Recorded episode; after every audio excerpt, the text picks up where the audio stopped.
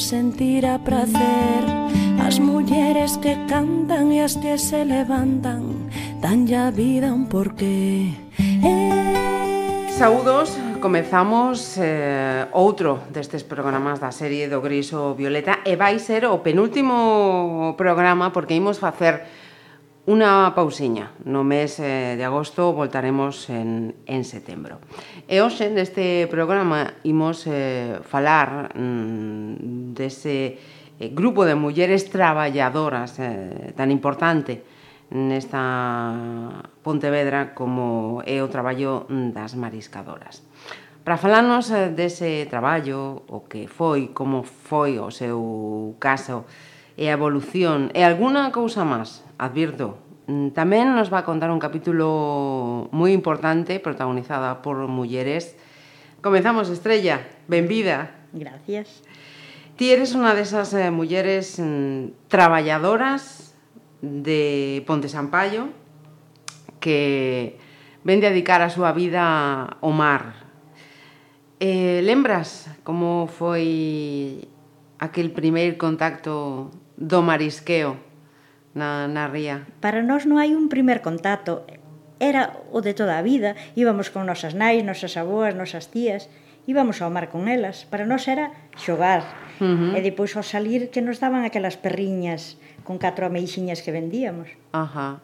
Para comprar o sea, que chuche. Mm, de repente un, non non hai un día no que digas mm, mi primer día mariscando, no, xa dende no, sí. que unha nace xa está vencellada sí, a ría e a ese sí. traballo.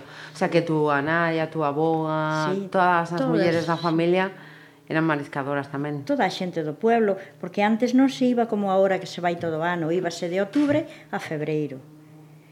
E ti ibas á tienda e dicíaslle quedo che a deber, ibas de fiado.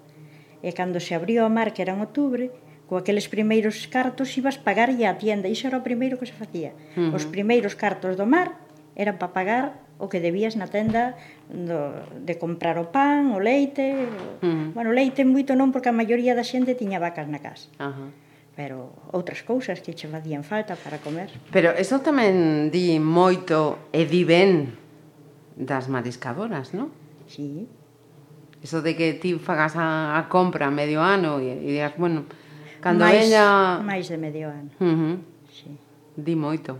Agora xa non, non é así. Non? Agora non che fían así tampouco. Pero antes era así. E, e, e na escola atacando estrella? Estuven hasta os 13 anos e algo. Os 14 xa fun a traballar para unha fábrica. Uh -huh. A Pontesa ou sexa que ante, ou a máis, non antes do, do marisqueo, antes do marisqueo. tamén traballaste na, na Pontesa, que era... Sí, pues, pois, traba... Eu antes fun ao marisqueo, porque se podía ir de nena, Ajá. depois aos 14 anos, porque era a edad reglamentaria para poder entrar a traballar, antes non te deixaban legalmente, así que Ajá. nas calmiserías ibas con 11, con 10. Pero eu legalmente entrei con 14 anos e depois collías as vacacións para ir ao mar en outubre. As vacacións, sí. Así eran as vacacións das mulleres, para ir a traballar a outro sitio. Uh -huh. Para poder sacar adiante algo. Eres desa, desa xeración de mulleres mmm, que traballou para os seus pais, Efectivamente. Logo para si sí mesma e logo para os fillos. Para nós mesmas non, traballamos para nosos pais e depois xa para os nosos fillos. Uh -huh. Porque casabas, te quedabas na casa, seguías entregando sobre que che daban na fábrica uh -huh. e non lle sacaras unha peseta, eh? e depois para os fillos. Uh -huh. E aínda hoxe en día algunhas para os netos.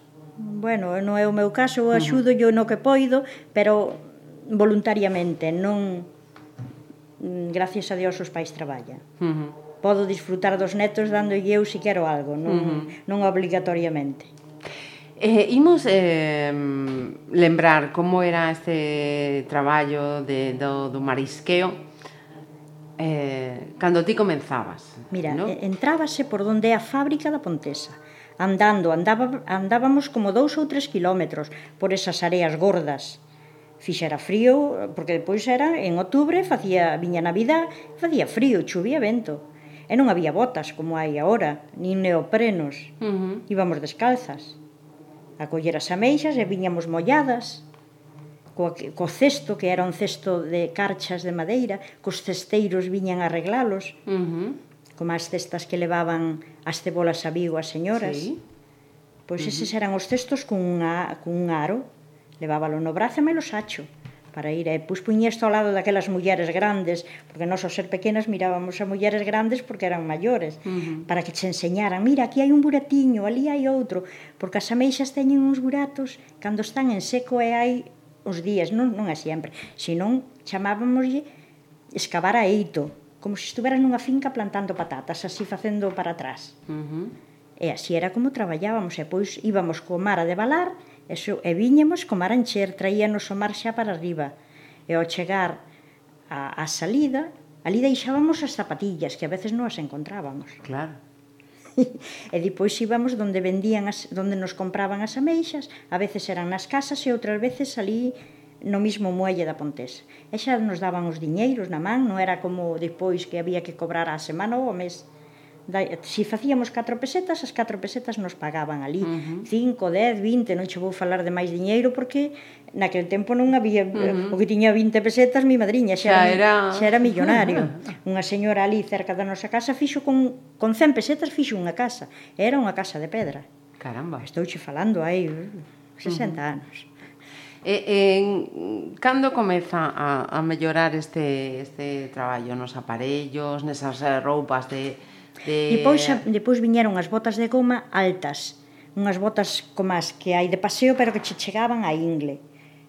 O problema, uh -huh. que se che entraba agua por aí, e se che enchía de agua e dabas a volta, xa morrías afogada. Tiñan che que ir a axudar as, as compañeiras. Sí. E depois, sí. depois máis, máis tarde, viñeron unhas que lle chamaban as dos pescadores, que eran hasta... Ah, como buzos, como os buzos. ou petos, petos sí, de... Pero esas uh -huh. tamén se furaban enseguida porque as tra... usábalas todos os días. Uh -huh. eh, o, o, aquí, hasta a rodilla era de goma e para arriba era plástico. Sí. E o arrugarse na arruga rompía. Eh, cando estaba bo tempo íbamos, preferíamos ir descalzas, era máis cómodo. Polo que estás a decir, eu penso que o que inventou estas roupas eh, mariscador non era. Non eh. era, eh? non, non, non. non a puxo, non a debeu de poñer para ir a mariscar. Para ir a mariscar. Uh -huh. E que desde as oficinas dice, de, fanse Ajá, proxectos, pero tiñan sí. que ir ali para saber como hai que usala e, uh -huh. e o cómodo que era. O máis cómodo que eu xa non cheguei a usar, o neopreno. Uh -huh. As mulleres que van agora a mariscar a pé levan un neopreno, un traxe enteiro de neopreno. Algúnas levan os partidos por aquí como se fose un, un destos cintirantes. Sí, sí, sí. E eh, pois teñen para arriba, hasta teñen mm, con pés e todo, Ajá. van moi cómodas. Uh -huh. Non pasan frío porque, oye, chegache a friaxe, sí, iso chegache o calor ou frío, pero non estás mollado. Claro, claro. Uh -huh. É moi cómodo, para, según elas. Eu non sei que eu nunca me metín dentro de, do neopreno. porque eh, ti fuches eh, mariscadora a pé. Sí. Y luego pasaste a flote, que digamos que aparte donde hai máis homes que mulleres. Sí, Como sí. foi ese, ese cambio? Obligatoriamente, obligáronme porque non podía estar nos dous sitios, porque eu a veces iba co meu home eh, a flote, uh -huh. pero non traballaba co angazo, escollía a mercancía, el co angazo eh, collía as ameixas e eu escollíallas. Pero depois dicíame, pasaba moito frío, E un día, mira, proba a tirar o angazo para non ter frío. E probei e gustoume. entón tuve que deixar o da pé e seguín... Ajá, a flote. Seguín a flote, sí. Ajá. E foi máis, meu marido tuvo unha un problema nunha rodilla uh -huh. e non deixaron ir ao mar e collín o barco eu sola e marchei ao mar.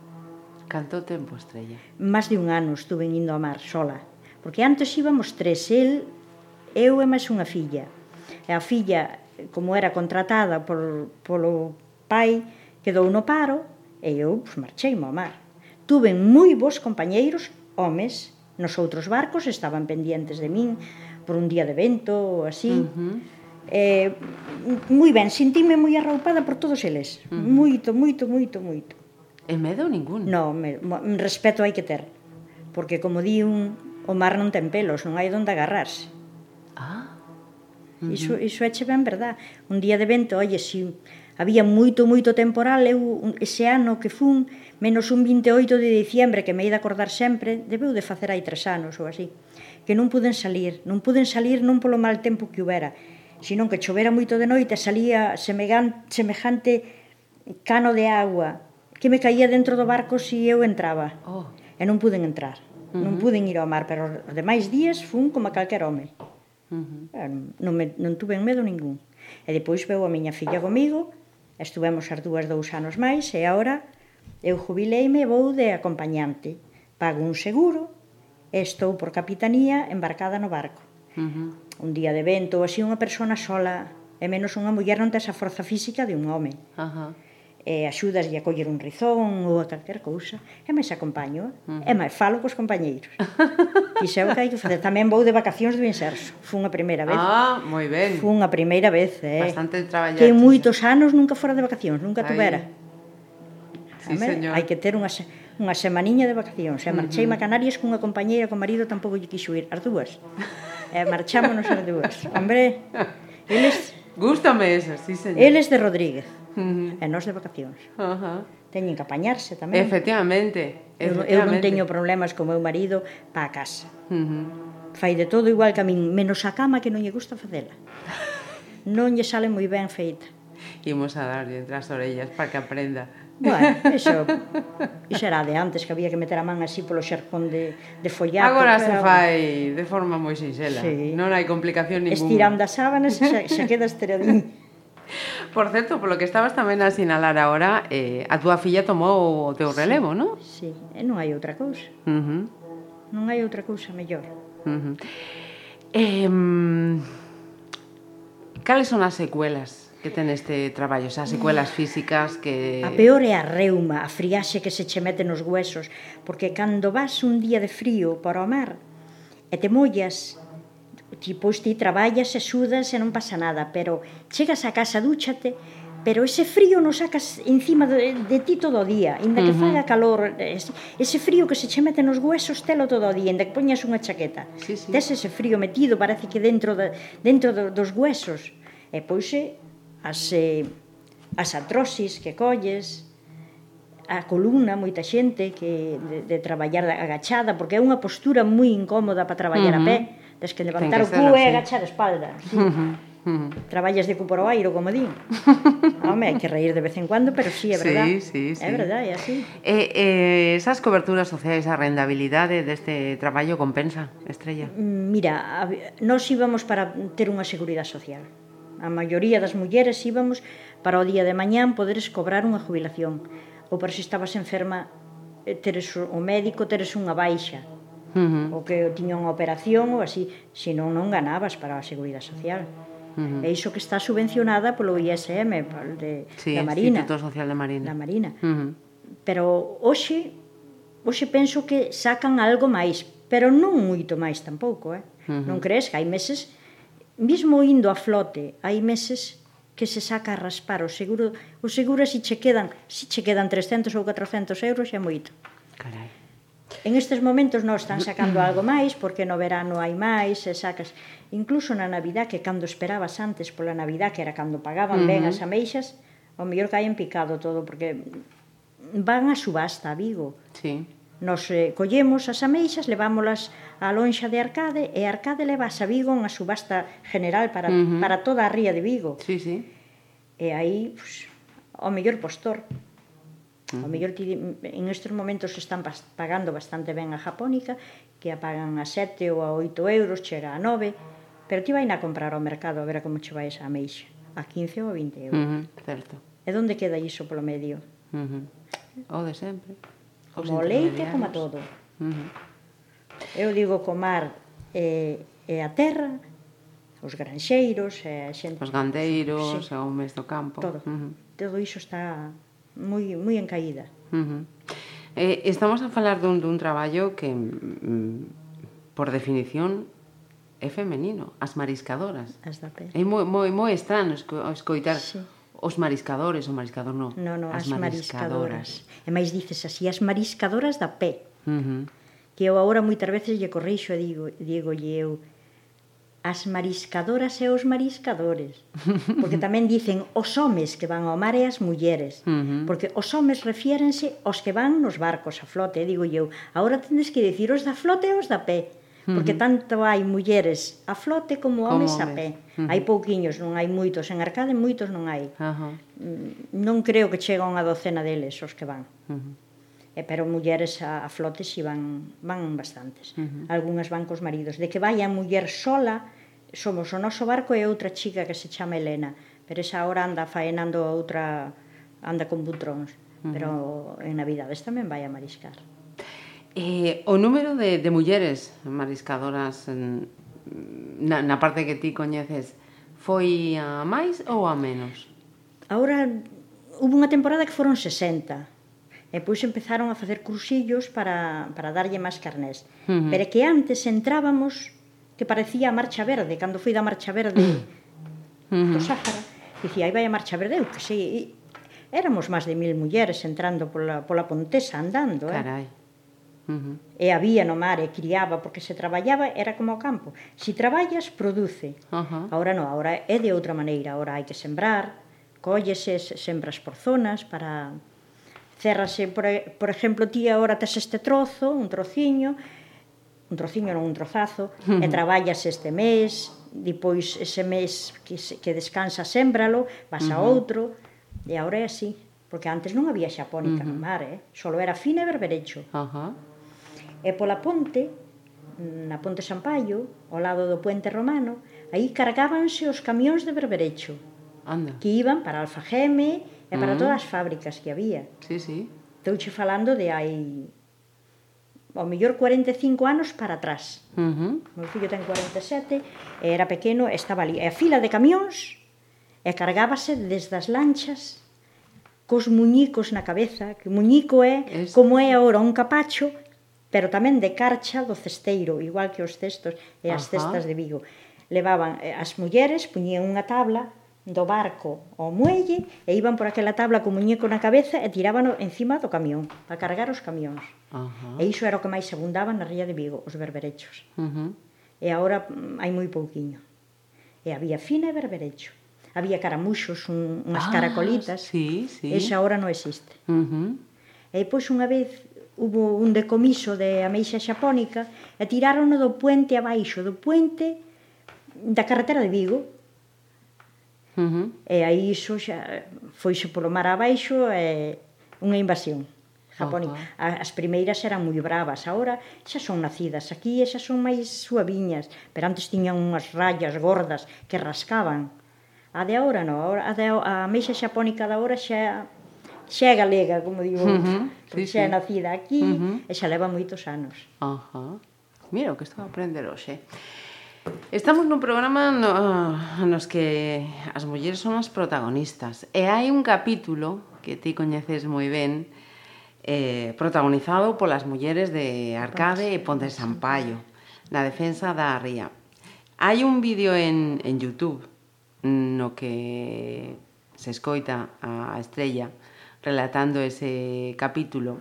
Imos eh, a, escotar, a escoitarlo e despois falamos de, de Novo Estrella. Moi ben. O día 29 de outubro de 1965 Ás 4 da tarde, dous povos uníronse para loitar contra unha injustiza. A tensión estaba no ar. As mulleres ían saindo das súas casas, deixando os labores a medio facer. As vacas sin atender, a roupa no río para lavar, o xantar na mesa. Todas se dirixían cara á ponte. A campá choraba ao lonxe anunciando que ia suceder. Nenas, mozas, vellas, apresurábanse a paso lixeiro. Polo camiño ían collendo as súas armas de defensa, pedras que gardaban nos seus bolsillos. Nervios, rabia, impotencia, todo se mesturaba lá dentro. Vou vos contar a historia. Naqueles tempos, as xentes de Ponte Sampaio e Arcade Traballaban na súa meirande parte do marisqueo e da carga da area. O traballo facíase a man, polo que era moi laborioso.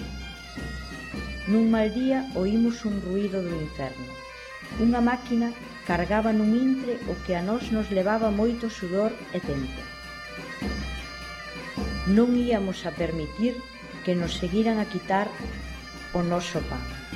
Todos xuntos podíamos contra o moro e a súa máquina. Dous bandos formados cada un a un lado da ría, todas elas mulleres, nenas, mozas, vellas, e chega a Garda Civil para dispersar a multitud. Pero as mulleres foron a buscar a bandeira de España, puxeron a carón do chan.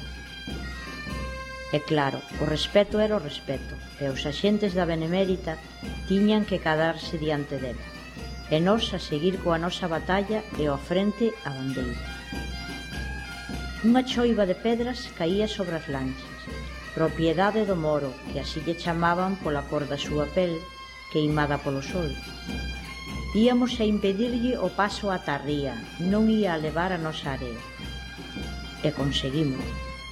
As mulleres de Ponte Sampaio e de Arcade Conseguimos parar que as lanchas do Moro non levaran máis area. Conseguimos defender o pan dos nosos fillos. Defendemos o seu futuro. Unha anécdota que quede entre nós. Os homes neste levantamento non estiveron ao fronte. Atuaron en segunda liña, por así decilo. Agochados dende o monte, tiraban dende ali as pedras. E agora vou vos a contar un segredo Din que non todas éramos mulleres, aínda que o parecíamos, xa que no medio de nós ía un home vestido de muller, ben arroupadiño polas mulleres. Como ese día tiveron que fuxir abandoando todo, viñeron a recoller a lancha e a máquina do inferno o día 9 de outubro de 1966.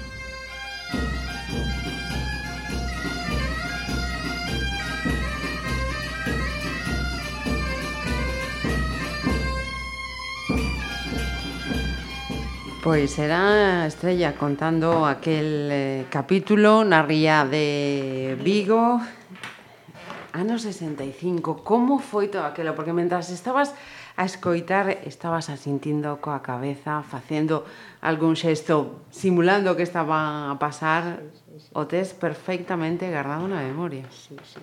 Porque era era mirar aquelas mulleres tan altas, porque había as que le iban ao frente eran mulleres altas, Lola da Eira, difunta, eh, Carmen a trilladora, perdóname por decir trilladora, pero fochelo de sempre, vive, vive que vive en Puentareas, uh -huh.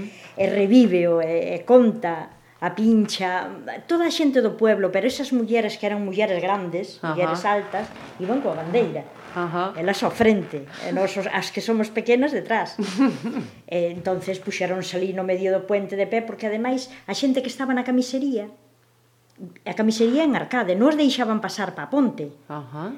E as da, as, de, as da ponte non podían pasar pa arcade, puxeronse ali no medio, e eles tuveron que, que saludar que a bandeira. Sí, sí. E a xente, porque se ven nas fotos, unhas pola orilla da ponte e outras pola orilla da arcade, foron hasta onde estaba o moro que estaba máis arriba donde hoxe está o colexio de Ponte Sampaio. Ajá. Do campo de fútbol está o colexio sí. e aí era o punto onde collían area. Ajá. E onde estaba a, a dichosa máquina que cando a viñeron a buscar estaba máis enferruxada. xa non servía para nada. E pois había polos montes dos lados, uh -huh. máis pola parte da ponte, moitas mulleres embarazadas. Sí, porque na Abada As mulleres de antes saben o que é a abada, o mandil levantábano para arriba e aí levaban moitas pedras e cando a Guardia Civil pasaba, pois sentábanse coa manciña como unha embarazada agarrando no bebé da súa barriga. E así era como apedreaban o, o dichoso moro. Bueno, o moro solo non, a todos que iban na lancha. Porque o que se trataba era de, de, de eso, de eh, defender, eh, defender eh, per, sí. guardar esa, esa ría, porque eh, estaban a, a coller área. e corría o risco de, de sí, quedarse ademais, sen... Viña o lodo, levaba todo a rasto. Uh -huh. Pois pues criaban lodo, ese lodo negro, esa sí, porquería. Sí, sí. sí, uh -huh. sí. Non había área para o mar. E ali estiveron as mulleres. As mulleres de Ponte Sampaio e de Arcade. Un homenaxe ás mulleres de Ponte Sampaio e de Arcade, uh -huh. que loitaron pola ría entre elas Estrella. Ti que fixeches? Eu era unha rapaza, tería 13 ou 14 anos, eu detrás delas tamén, eles si eles corrían, eu tamén. bueno, ali todo o mundo, nenas e todos. Uh -huh. Os velliños quedaban máis atrás, pero os que éramos rapaces corríamos máis. Uh -huh. Nos, coa que mulleres grandes coa bandeira, e tira pa diante. Uh -huh. Pois é un bonito remate para este programa, este homenaxe ás mulleres de Ponte Sampaio de Arcade. Sí. Estrella Cortegoso Otero, moitas grazas de verdade Foi por estar con Foi un placer estar aquí con vos. Ferro e papel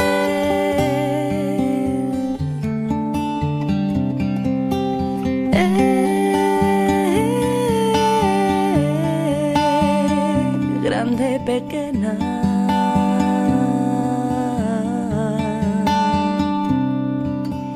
Yeah.